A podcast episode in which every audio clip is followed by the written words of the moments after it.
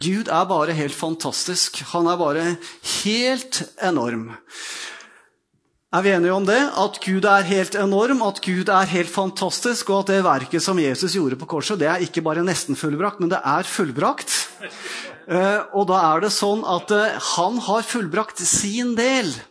Men for at vi skal oppleve at det fullstendig er fullbrakt for hver eneste en av oss, så ikke det bare blir nesten fullbrakt, så er det også et ansvar som vi har i våre liv.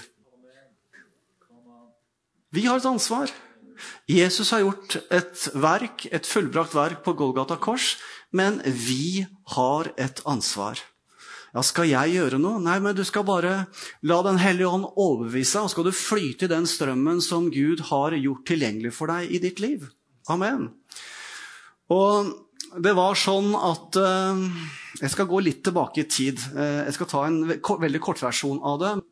Men det var slik at uh, jeg studerte jo medisin, og så tenkte jeg når jeg var ferdig med førsteavdeling, at dette var ja, liksom Jeg var litt sånn skuffa fordi at jeg gjorde det veldig bra på studiet. Og det var jeg jo veldig stolt over, da. Og så tenkte jeg at nå, nå er det kjempebra. Og så var det bare denne tomheten som gjorde at jeg begynte å meditere. Og Jeg skal ta en veldig kort versjon av det, for det illustrerer noen guddommelige sannheter som jeg skal snakke om i dag, nemlig den autoriteten vi har i Kristus.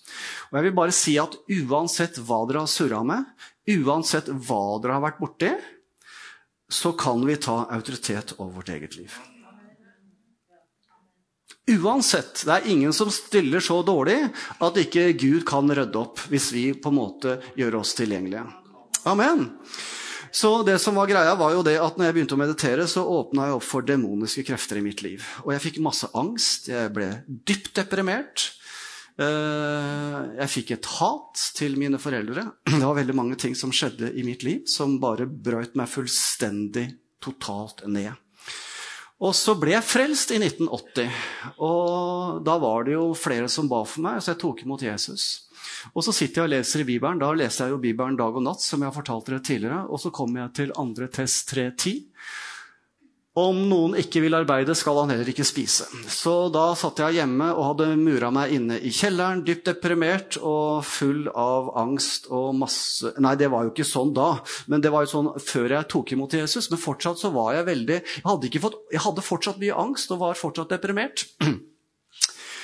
Og så kom jeg til dette her, så tenkte jeg nå må jeg komme i arbeid. Og så endte det opp med at jeg begynte som vaktmesterassistent oppe på Grimerud. Ungdom i oppdrag, basen der oppe ved Hamar og ved Mjøsa. Og så er det en dag så kommer det en forkynner som har en undervisning. Og Jeg sitter og hører på denne undervisningen. Han skulle også ha individuelle samtaler med de som ønsket det. Og Jeg sitter der og prater med denne karen, og så sier han det at det er et Så ber han for meg, ber i tunge for meg, og så sier han at det er navn som stenger. Han skjønner ingenting, jeg skjønner ingenting. Neste dag når jeg våkner, så er jeg dypt Jeg har masse angst, jeg er deprimert, vet ikke helt hva jeg skal gjøre. Prøver å finne ledelsen på Ungdom i oppdrag, finner ikke en eneste igjen. Får en innskytelse av å gå inn i et videotek, og da var det hele veggen som var like stor som den der skjermen der sånn. Eh, der var det fullt av videokassetter, og på ryggen av hver eneste videokassett så sto det et nummer.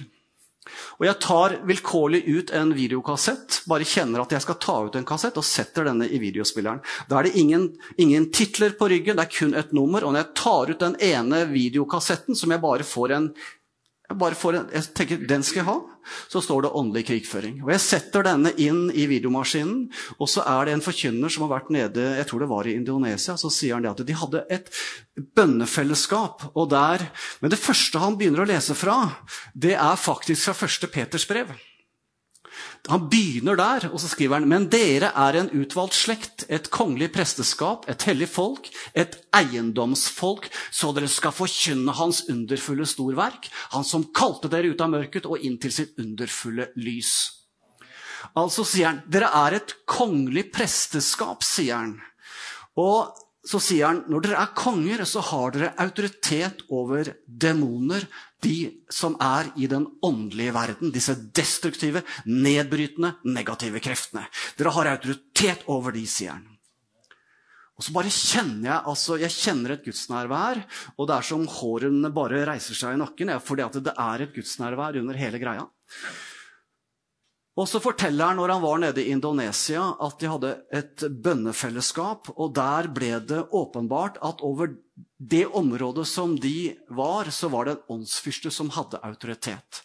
Og så sier han det at denne fyrsten hadde mange navn, og han het Narai. Og så Da blir jeg nesten sånn helt paff, fordi at mitt mantra var Navai. Altså nesten det samme. Og da skjønte jeg for første gang at det som jeg hadde drevet med av meditasjon, så hadde jeg invitert, jeg hadde åpnet opp i mitt liv for destruktive, nedbrytende krefter i mitt liv. Åndelige krefter. Og jeg hadde ikke skjønt det før jeg kom til det punktet at dette var noe av årsaken til at jeg sleit som jeg gjorde. Så da skjønte jeg plutselig det at uh, her er det ting som på en måte er årsaken til at jeg sliter i min sjel. Fortsatt. Jeg hadde tatt imot Jesus Kristus som herre i mitt liv, men fortsatt så sleit jeg med depresjon og angst. Og så får jeg bare plutselig, fordi det, det, er jo flere vers som sier det samme Men så, så, mens jeg sitter der og ser på denne videoen, så er det bare et bibelvers som dumper ned i hodet mitt. Og det er Matteus 15, 22. Jeg visste jo ikke hva som sto der. Jeg er bare veldig spent på hva som står i Matteus 15, 22. Jeg slår opp bibelen min og leser 'Herre, hjelp meg, min datter blir hardt plaget av en ond ånd'. Og da fikk jeg jo en guddommelig bekreftelse på hva dette egentlig dreide seg om. Og da prøver jeg å få tak i lederskapet på basen. Jeg hadde prøvd å få tak i dem før, fikk ikke tak i dem, fordi at Gud hadde en liten vei på sidelinjen før jeg skulle prate med dem. Han ville at jeg skulle skjønne en del åndelige realiteter. Og da treffer jeg lederskapet, og de ber for meg. Og så kan du tenke ja, men da var vel alle dine problemer over, da, Jarl. Problemet, skjønner du, er det at uh, selv om jeg hadde fått en åpenbaring om hva årsaken var, så hadde jeg ingen forståelse, ingen, kan du si, innsikt i hvordan jeg skulle regjere. Hvordan jeg, var, hvordan jeg skulle regjere som konge i mitt eget liv, og hva det egentlig innebar at jeg var en prest. Et kongelig presteskap. Og du vet det at eh, uten åpenbaring så går folket på villspor. Så fortsatt så sleit jeg i årevis jeg med angst og depresjon. Jeg skulle bare ønske jeg kunne si at da forsvant alt sammen når de ba for meg, men det gjorde de ikke. Fordi at vi må ha en forståelse hva det innebærer å ha en autoritet. Og hva det innebærer å, altså, å, være, å regjere som konge i vårt eget liv. Og hvordan vi gjør det. Og da er det innmari viktig å vite hvordan djevelen arbeider. Skal jeg regjere i mitt liv, og jeg skal kjempe, da må jeg jo vite hva djevelen finner på av surr og tull. Ikke sant? Jeg må jo det. For hvis ikke jeg vet hva han gjør, og ikke skjønner hva, hvilke konsekvenser det har for mitt eget liv, hvordan skal jeg kjempe da? Vet du hva? Vi er i en krig. Vi er i en åndelig krig.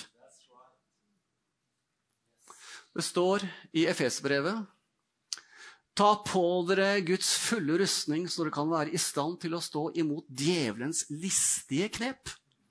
For vår kamp er ikke mot kjøtt og blod, men mot maktene, mot myndighetene, mot verdensherskerne i denne tidsalders mørke, mot ondskapens åndelige herskarer i himmelrommet. Altså, det står at djevelen har listige knep. Og så tenker vi ja, ja, men Jarl, når du surrer det sånn til at du er så dum i huet ditt at du begynner å meditere på demoniske, demoniske fyrsters navn, da har du jo skikkelig surra det til for deg sjæl. Du kan jo ikke forvente annet, Jarl, når du gjør så dumme ting. Kan du tenke det, ja. Ikke sant? Men skal jeg si dere én ting? Dere er like dumme i huet, dere også, skjønner du. Fordi at vi lar oss lure, skjønner dere. Om ikke vi på en måte er så dumme i huet at vi begynner å meditere og gir oss i kast med denne østlige filosofien og meditasjonen, så er det så mange måter djevelen kommer inn og skal ta knekken på deg. Uff a meg, da. Ja, det, men du skjønner at det, her er det en måte å kjempe imot som virkelig funker. Og jeg skal si dere én ting. Det er så mange ting som kommer imot oss i vårt kristne liv. Det er ikke slik at med en gang jeg blir frelst, så er det en dans på roser. Det er som på en måte ja, Alt ordner seg for meg. Jeg bare flyter gjennom en sånn deilig strøm. vet du. Det er bare Alt funker for meg. Alt, absolutt alt. Nei, vi er i en krig. For det er en djevel som vil gjøre noe med ditt kristne liv, og med det som Gud har lagt på av en målsetning for ditt liv. Vet du hva? Det er veldig lett å fanges av djevelens listige knep. Altså, når jeg var ferdig med førsteavdeling på medisin, så hadde jeg toppkarakterer. Og tenkte at dette var jo det jeg hadde jobba med så intenst. I da, eh, på en måte, Jeg leste jo, og på en måte det var så gøy å lære å forstå alt. Og så får jeg disse toppkarakterene, og så tenker jeg Var det alt? Og så hadde jeg en sånn tomhet inni meg. Og så kommer det en tanke. Kanskje det med meditasjon Der har vi noe, skjønner du. Det er det som gir deg, kan du si, et innhold i livet ditt. Dumskalle, sier bare jeg da. Men det var jo det jeg egentlig var, for å si det sånn. Det var et listig knep, en tanke som hørtes og føltes så forlokkende. For de som dreiv med det, sa det at nei, dette er en nøytral teknikk. Og han som var sjefen, han var både psykolog og psykiater, og han forklarte det ut fra alle de termene der, så det tenkte jeg dette måtte jo være bra greier for meg. Hallo? Men det er så mange måter han kommer på, skjønner du. Og vi lar oss lure. På den ene og den andre måten. Det står i Lukas 17, 17,1. Vi kan lese den Bibelen Guds ord-oversettelsen først. Han sa, så sa han til disiplene det er umulig at ikke forførelser og det greske ord som er brukt, er skandalon. Krenkelser må komme, men ved den de kommer ved, står det der sånn. Men i Amplified, eh, oversatt til norsk, lett oversatt, og Jesus sa til sine disipler fristelser, snarer, feller som er satt der for å lokke til synd. De kommer uansett, men ved den som det kommer ved eller gjennom. Altså, ta anstøt, står det noen steder. Det er, det er umulig at ikke anstøt kommer. At forførelser, fristelser, kommer. Og alt har en hensikt. Det er å få deg ut av det som Gud har for deg. Vet du hva? Vi fanges av djevelens listige knep. Skandalon, altså forførelser eller ta anstøt, det er et gresk ord som betyr den delen av fellen der agnet er festet til. Å, ja, hva betyr det, da? Ser du den musefella der sånn? Inni den musefella der så er det et åte. Og det er det åte som gjør at den musa går inn i den fella. Hallo? Er enig med meg i det? Er dere ikke det? Problemet skjønner du, er bare det at når musa kommer bort til det der åtet, så går døra igjen. Og så tenker du ja, men det var jo bare til pass for den musa. Det er jo et skadedyr uansett. Men problemet er at de fellene de skiller ikke mellom de søte små ekornene og de musene. Så i neste øyeblikk så kan du tenke deg at ja, ja, men de der er ugudelige og det som gjør det, det er klart at de faller i fella. Men jeg skjønner det. Jeg faller ikke i fella. Jo da, du er som det søte, nydelige ekornet som har gått rett i fella, det også. Ja, hvordan går du i fella? Hør nå. Det der sånn, det er en musefelle. Ikke sant? Dere kjenner den der? Og der ser du det åtet ligger på musefella. Og hva skjer når den der musa kommer? Smukk! Og det var to stykker, ikke bare én. Og noe av problemet, skjønner du, er det at når du fanges i ei sånn musefelle, så er det ofte det at du drar broren din med deg, skjønner du. Oi! For det rammer ikke bare deg, skjønner du. Det rammer broren din og han som du er så glad i. Og så sitter dere og prater sammen, og så bare sier du det ene og du sier det andre. Og så før du vet ordet av det, så sitter han i fella, han også. Og det er ikke noe gøy, er det vel? Og den musa, den daua. Men forhåpentligvis så skal vi ta det før du dauer, ikke sant? vi skal ta det før du dauer. Og så skjer det, vet du. Og så vi, sitter vi inne i fella, vet du. Og så er jo livet så kjipt. Det skulle jo vært så fylt av glede. Men jeg er bare deppa. Jeg har det bare vondt. Og det er ingen som bryr seg om meg, bare jeg som bryr seg om meg. Og det er så fælt, alt sammen. Og så sitter vi der og akker og verer, og så har det egentlig veldig, veldig vondt. Veldig vondt. Det er bare jeg som har det vondt. Men du skjønner at når du har kommet i den fella, så skiller det ikke mellom alder Alder og kjønn. Vi sitter i den fella hele gjengen, skjønner du. Ja, hva er det du vil fram til nå, Jarl? hva er det du vil fram til? En Herrens tjener, så står det videre.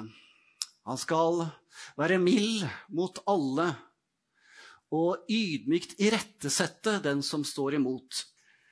Om Gud likevel vil gi dem omvendelse, sannhetens erkjennelse, så de kan våkne opp av rusen og komme ut av djevelens snare.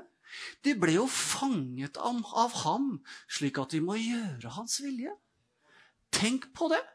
Når du har kommet inn i den fella, så er du i en rus.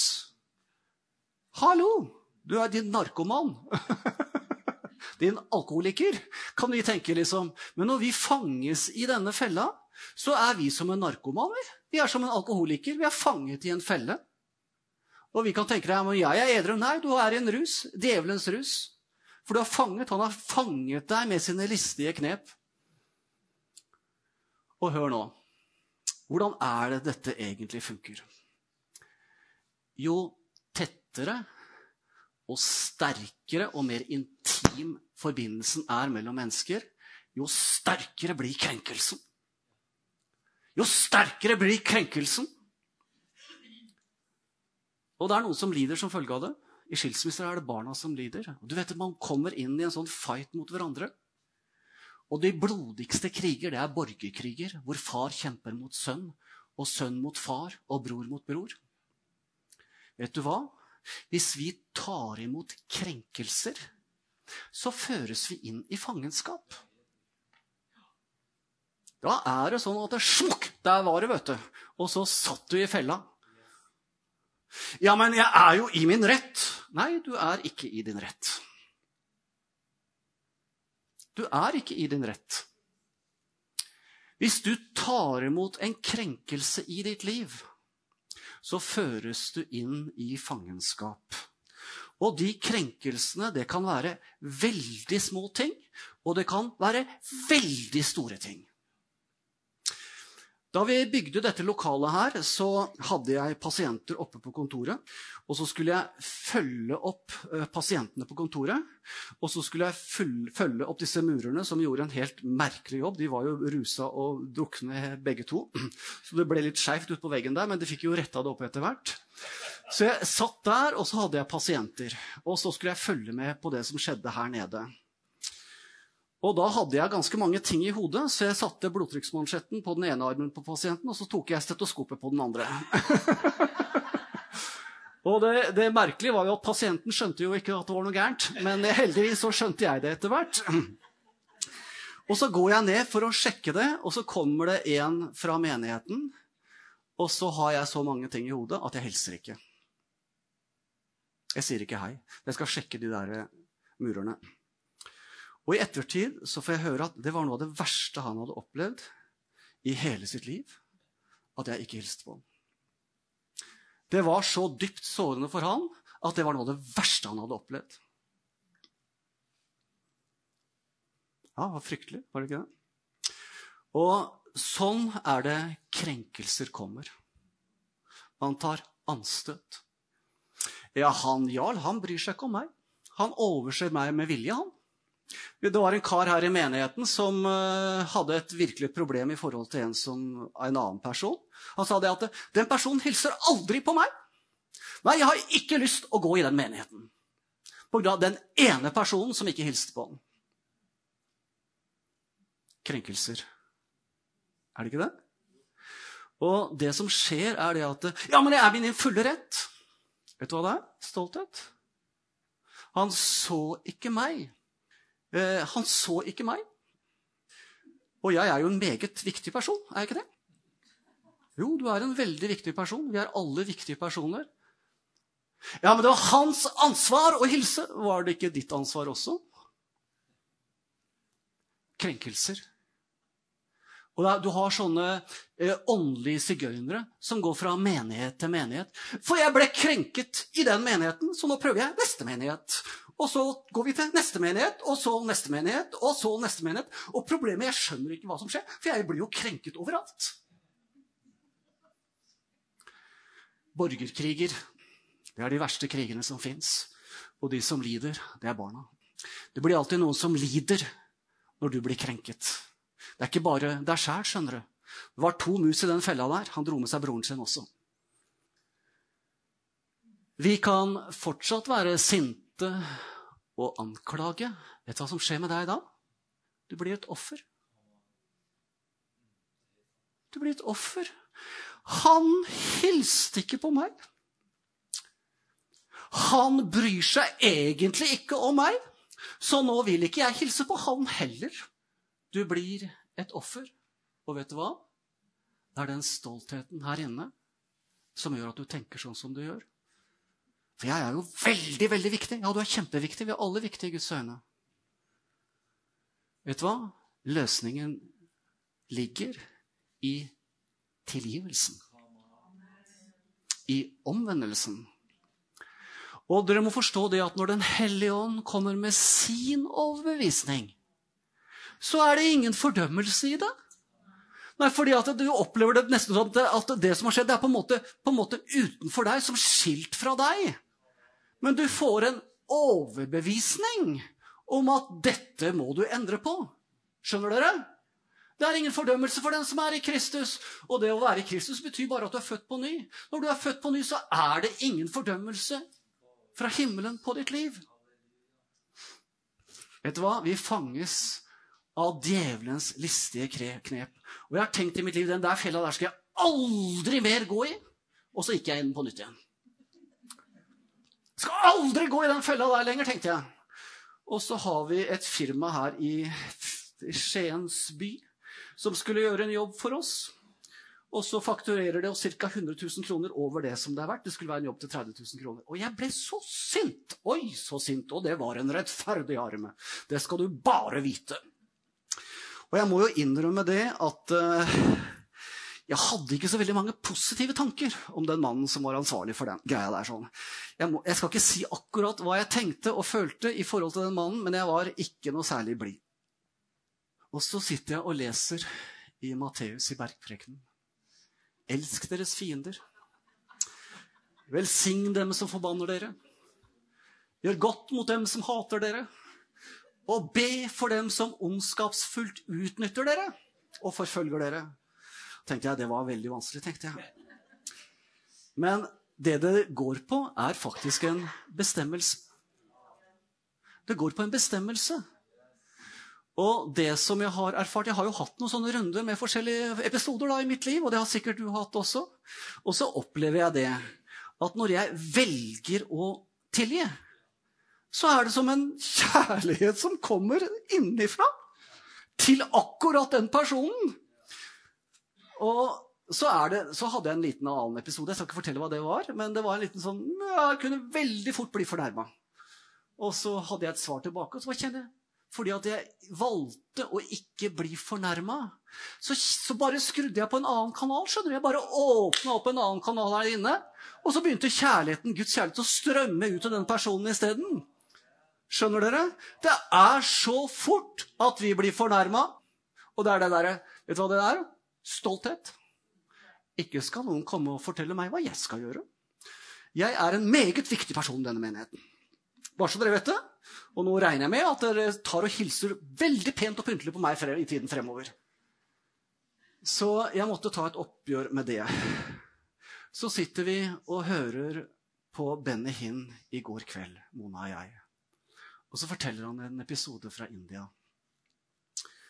Hvor den eh, kristne kirke utsettes for brutale forfølgelser. Og så er det noen sånne hinduer, eller hva det enn er. Har de hele familien foran seg, pastoren.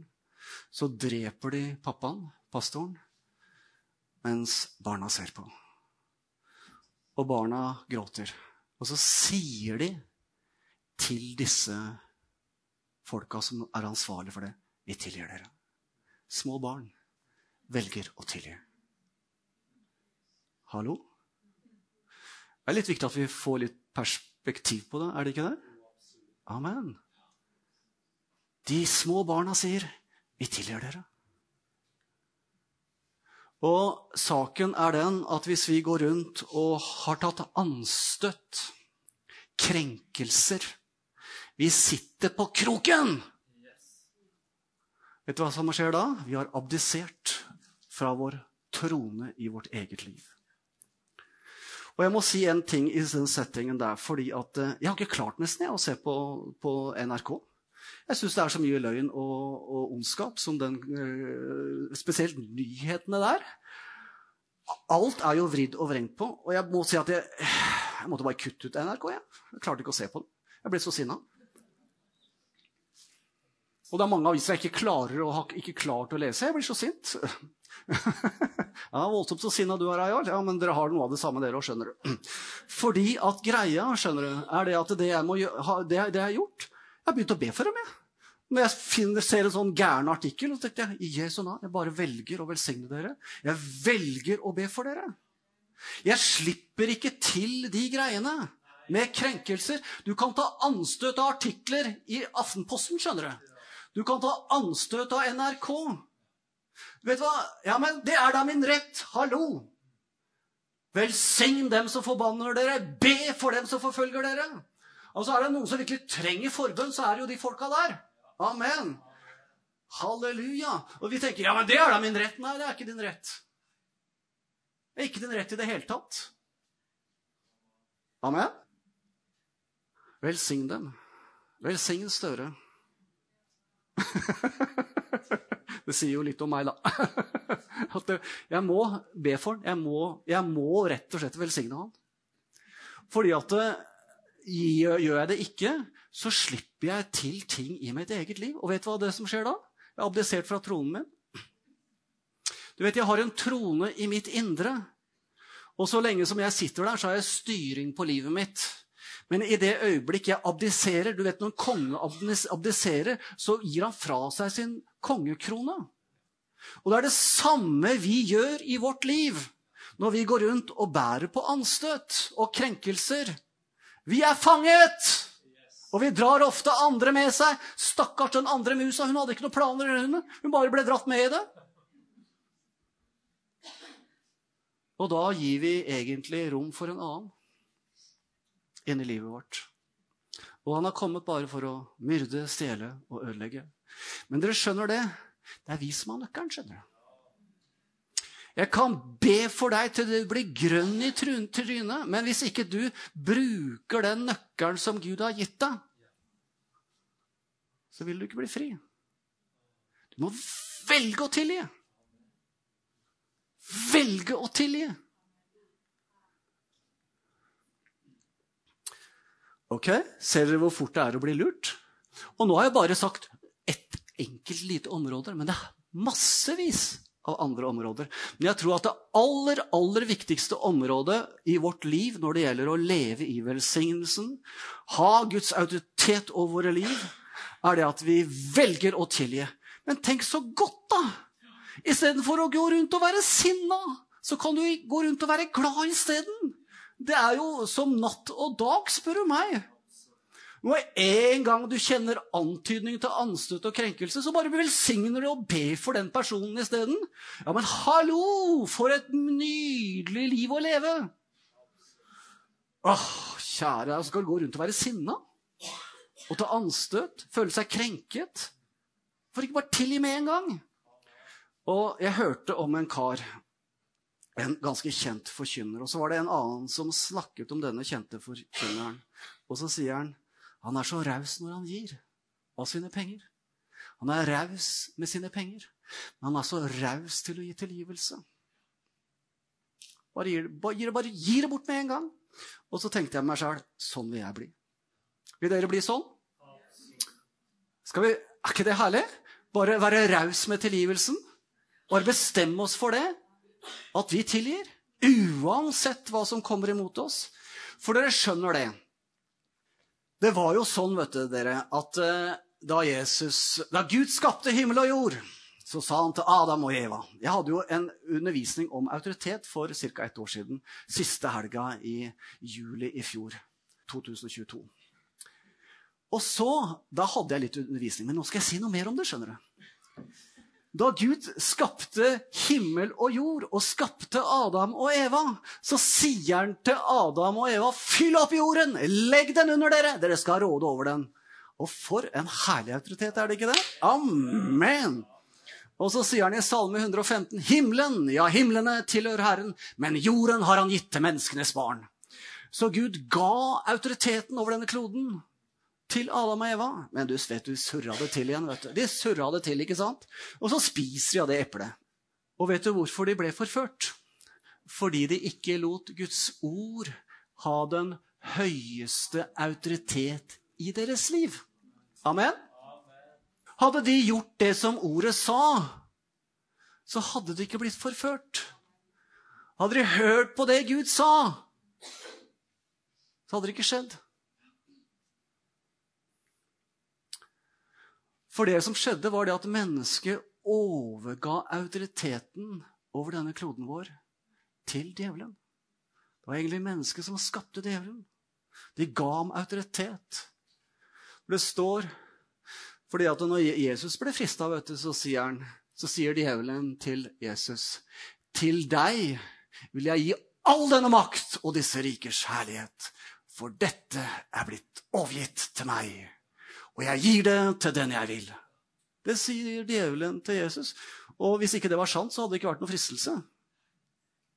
Altså, Djevelen ble gitt autoritet fordi at han er blitt denne verdens gud, som det står i 2. Korinterbrev kapittel 4-4. Denne kloden Du skjønner det. Gud ga kloden til Adam og Eva til mennesker. Det var mennesker som skulle råde. Men de slapp djevelen til å overga sin autoritet til djevelen. Men hvordan seiret Jesus, da? Altså, Vi leser jo hvordan Adam og Eva falt. Men hvordan seiret Jesus? Ved at han lot Guds ord ha den høyeste autoritet i sitt liv. Amen! Og da tok han autoriteten tilbake. Han levde et fullkomment liv. Altså, og djevelen forsøkte seg, vet du. Men han lot Guds ord ha den høyeste autoritet i sitt liv. Skal vi regjere, så må vi la Guds ord ha den høyeste autoritet i vårt liv. Det er sånn vi regjerer, vet du. Altså, Vi må vite, og så må vi avsløre fiendens listige knep. Og ikke sitte på den der kroken. Og der spreller vi. vet du. Prøv å tre en mark på en fiskekrok. Den spreller jo verre.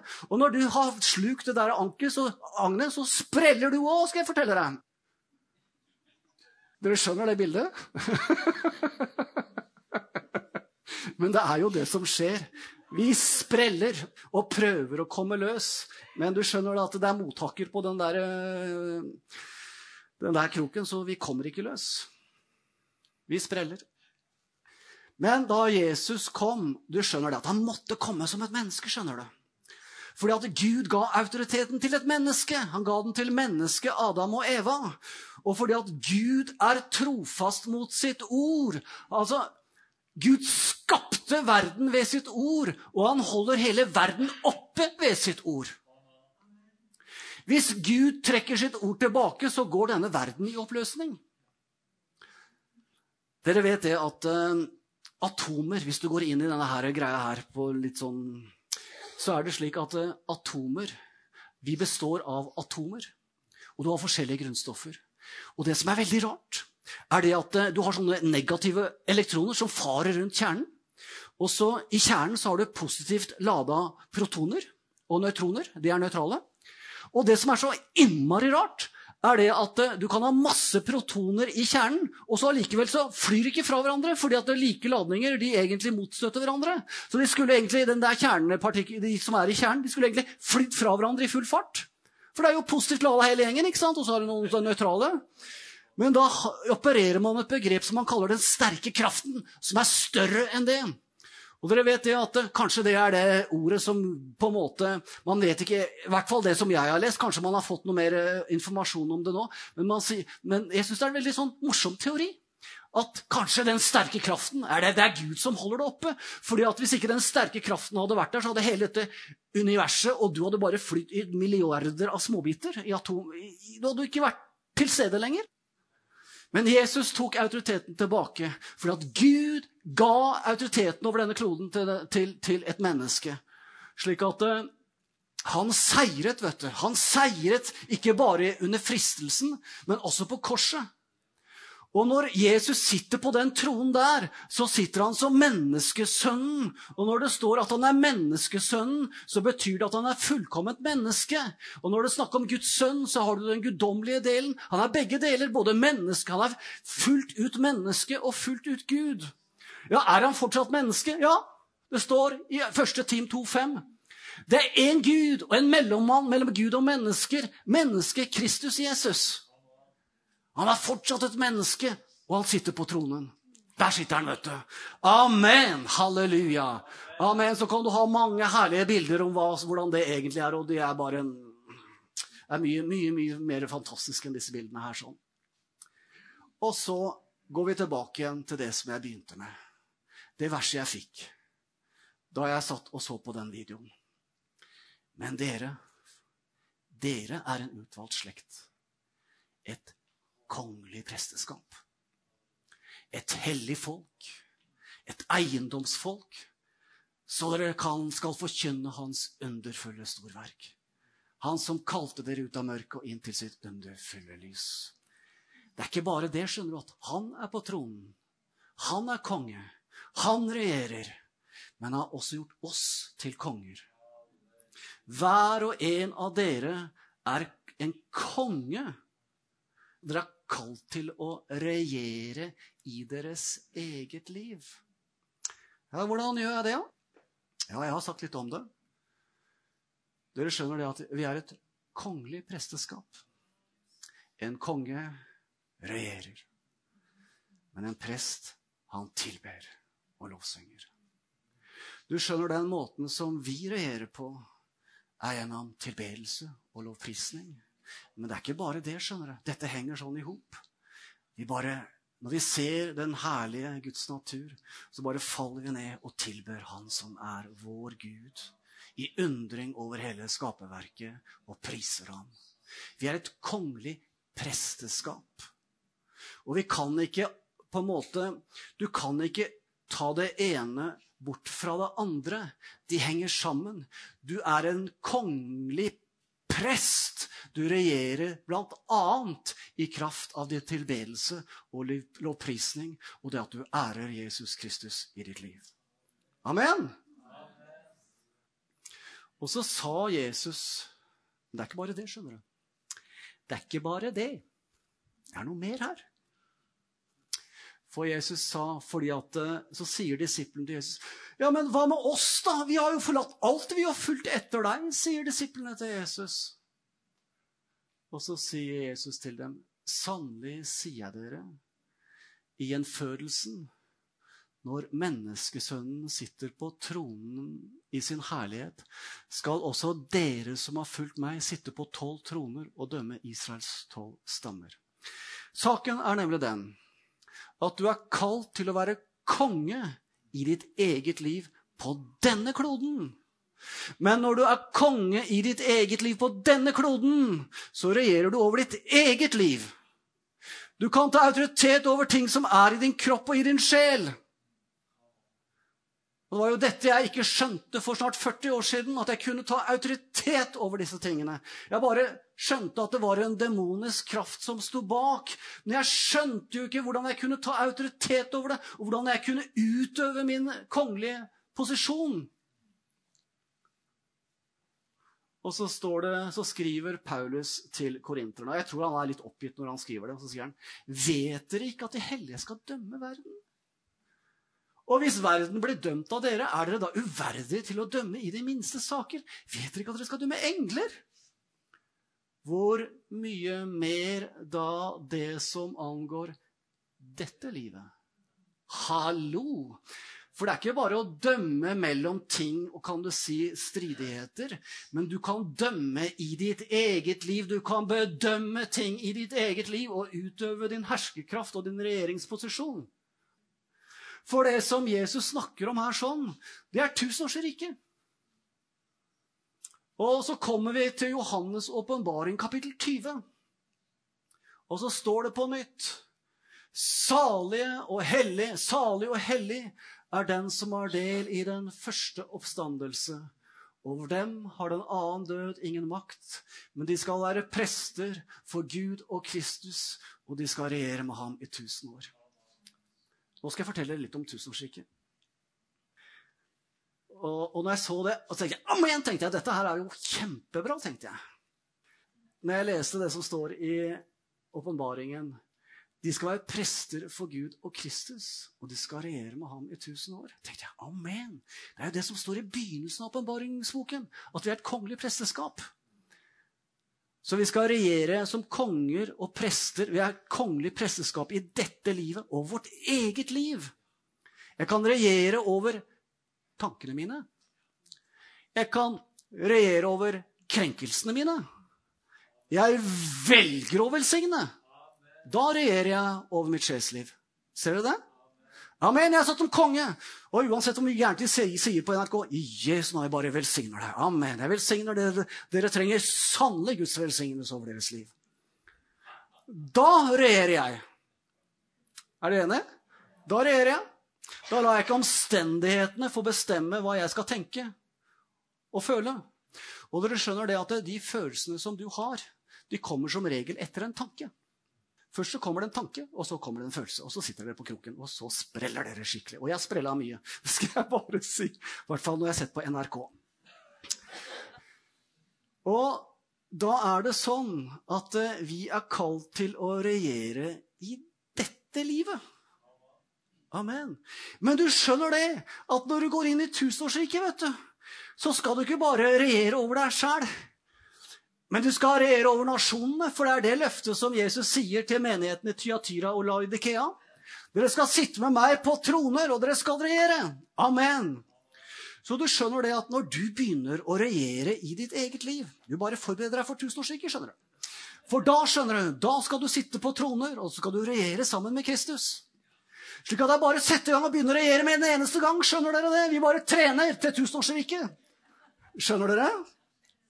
Amen. For dette er faktisk realiteter.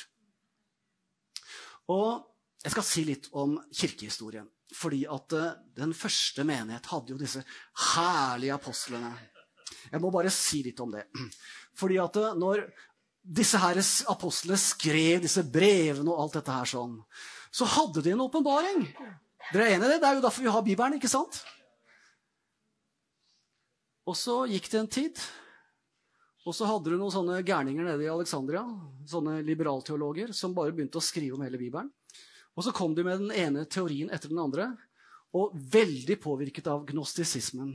Som skilte mellom, veldig klart skille mellom det åndelige og det fysiske. Og alt det fysiske det var bare djevelskap. Så la oss få alt sammen åndeliggjort. Og Augustin, som er en av disse store kirkefaderne, han avskaffet tusenårsriket. Men fram til da så var det en levende realitet for de kristne. Du kan tenke dere at når du har et valg, og du står framfor en dommer, og du, bekjent, du bekjenner Jesus som herre i ditt liv, og så sier han OK, gjør du det? Da kaster jeg deg for løven i morgen. Jeg hørte en sånn fantastisk, fantastisk og fantastisk. Det var en kvinne som hadde et dine barn. Også når det står om Herrens dag i Johannes' åpenbaring, så er det egentlig den dagen som alle skulle bekjenne at keiseren var Gud. Det er det det egentlig betyr i kapittel 1 i åpenbaringen. Hun ville ikke gjøre det. Bare én Herre, og det er Jesus Kristus. Så tar de denne mora med et lite diende barn. Så tar de barnet fra henne, og så sier de hvis ikke du bekjenner keiseren som Gud, så får ikke du amme barnet ditt. Og så skjer det at uh, hun hører barnet skriker voldsomt. Og så sier du får ikke barnet ditt tilbake hvis ikke du er villig til å bekjenne keiseren som Gud. Det klarer du ikke i egen kraft. Altså Er det noe som knytter en mor Det er ikke noe som er sterkere nesten enn bindingen mellom en mor og et barn. Og så hun sier nei, Jesus er Herre. Så skriker jo dette barnet, for det er sulten, og til slutt så stilner de skrikene, og det barnet dør. Og så er det hun som blir kastet til løvene. Altså, du kan tenke deg, når du lever under de vilkårene, og hvor du møter urettferdige dommere, da er det fantastisk med læren om tusenårsriket. Og de løftene som er skrevet til hver og en av disse menighetene. Efesus og alle disse her, Tyatira, Lodikea. Et løfte om at en dag så er det du som skal sitte på troner. Så er det du som skal regjere. Amen. Det er en oppreisning, skjønner dere. Så dette med å på en måte tusenårsriket, det er bare altså, Og da skal vi ikke bare regjere over vårt eget liv. Men vi må begynne nå, skjønner du. Vi må begynne å gjøre oss klar til tusenårsriket. Selv om det er et stykke fram. Kanskje. Hvem vet? Men han kommer tilbake, vet du. Og det som da denne godeste kirkefaderen Augustin klarte, var at han klarte å flytte tusenårsriket foran Jesu komme. Slik at uh, man sa det at uh, hele kirkehistorien er tusenårsriket. Men hvis du driver sånn med Guds ord, vet du, flytter både det ene og det andre sånn som det passer inn i din tankegang, da er du ille ute å kjøre. Og det var virkelig Augustin. Fordi at uh, Kapittel 19 kommer faktisk før kapittel 20. Og i kapittel 19 så ser vi hvordan Jesus kommer tilbake. Han kommer med sine herskarer. Amen. Og Jesus, hør nå. Fordi at eh, det står i Efeserbrevet kapittel 6 vers 17 åndens sverd som er Guds ord. Folkens, vi regjerer ved ordet. Ved at vi tar Guds løfter på alvor. At vi tror det som står. Og det som har vært liberalteologiens kan du si, knep i alle disse årene, er at vi skal på en måte menneskeliggjøre alt det som står her. Men hvordan kan du, holde, kan du si, basere livet ditt? Hvordan kan du basere livet ditt på noe som bare er menneskeverk? For det er egentlig bare makkverk. Og det går til grunne. Skal jeg ha noe sterkt som jeg skal basere livet mitt også den dagen jeg kanskje møter forfølgelse? Hvem vet? Da må jeg ha noe som er så sterkt at jeg vet at det holder inn i hele evigheten. Og da må jeg tro ordet. Jeg må holde fast på ordet. Og så står det at ordet er åndens sverd. Og du kan tenke deg, Når Jesus kommer, så står det at et sverd går ut av hans munn. Hva er det som går ut av hans munn? Det er Guds ord. Han tar kålen på hele djevelen og hele gjengen hans med et ord. Amen. Og så står det i Johannes' åpenbaring. Det er jo en beskrivelse av alle disse martyrene som gir sitt liv for Kristus. De har seiret over ham i kraft Altså, hvem er det jeg har seiret over? Djevelen. Hvordan seirer de over ham? I kraft av lammets blod. Det er frelsen. ikke sant? Vi er kjøpt med Jesu dyrebare blod. Og det ord Det ord Det ord de vitnet. Det er denne boka her, skjønner du. Og de hadde ikke sitt liv kjært like til døden, slik som denne kvinnen jeg fortalte dere om. Amen. Og så står det et herlig bibelvers i Joel 3, 21. Dette er et ord som betegner Jesu komme. Når han virkelig kommer, så står det Herren skal brøle fra Sion og løfte sin røst fra Jerusalem. Himmelen og jorden skal skjelve, men Herren skal være en tilflukt for sitt folk og en festning for Israels barn. Du skjønner det at når Jesus kommer tilbake Han rir på den der hesten. Og jeg vet ikke akkurat når han på en måte brøler som han gjør. Men da er det ikke et lite sånn forsiktig piff. Han brøler. han brøler. Slik at djevelen og alle hans hærskare med Antikrist og den falske profet, de blir fortært. Jeg har valgt å bygge mitt liv på denne boka her sånn. Og da er det slik Ok, Hvordan regjerer vi som konger og prester i livet vårt? Jo, ved at vi tilber Herren. Jeg lovpriser min Gud. Men det er noe mer òg, skjønner du. Det er noe mer òg. Det er ikke bare sånn lovsang og tilbedelse hele tiden. Nei, det er en del ganger i livet ditt hvor du bare bøtter imot. Du, liksom, du kommer ikke ordentlig gjennom. Hva gjør du da? Jeg har veldig tro på sterk bønn. Jeg har veldig tro på sterk bønn. veldig tro på sterk bønn. Fordi at du kan prise Herren og lovsynge Gud, men av og til så kommer du bare ikke gjennom. Og hvordan kommer du gjennom da? Hvordan regjerer du livet ditt da? Det er sterk bønn. Så står det i Rombrevet kapittel 8. På samme måte hjelper også Ånden oss i vår svakhet. For vi vet ikke hva vi skal be om slik vi selv burde, men Ånden selv går i forbønn for oss med sukk som ikke kan uttrykkes med ord. Og det er noen ganger i ditt liv og mitt liv hvor vi må skru på trøkket. Av og til så kjenner vi vi bare stanger imot og stanger imot og stanger imot. Og da er det fantastisk å ha dåpen i Den hellige ånd og tale i tunger. Og vi kan tale i tunger, men av og til så er det ikke nesten som om ordene vi taler i tunger, en gang strekker til. Det er bare sukk her inne. Og da tar Den hellige ånd tak med oss men det er vi som må sette prosessen i gang. Fordi at Gud regjerer ikke egentlig i ditt liv. Det er du som regjerer i ditt liv. Du slipper Gud til som en regjerer. Altså, du, du, har jo overlatt, kan du si, din, på en måte, du har underlagt deg Guds autoritet. Det er du som gjør det.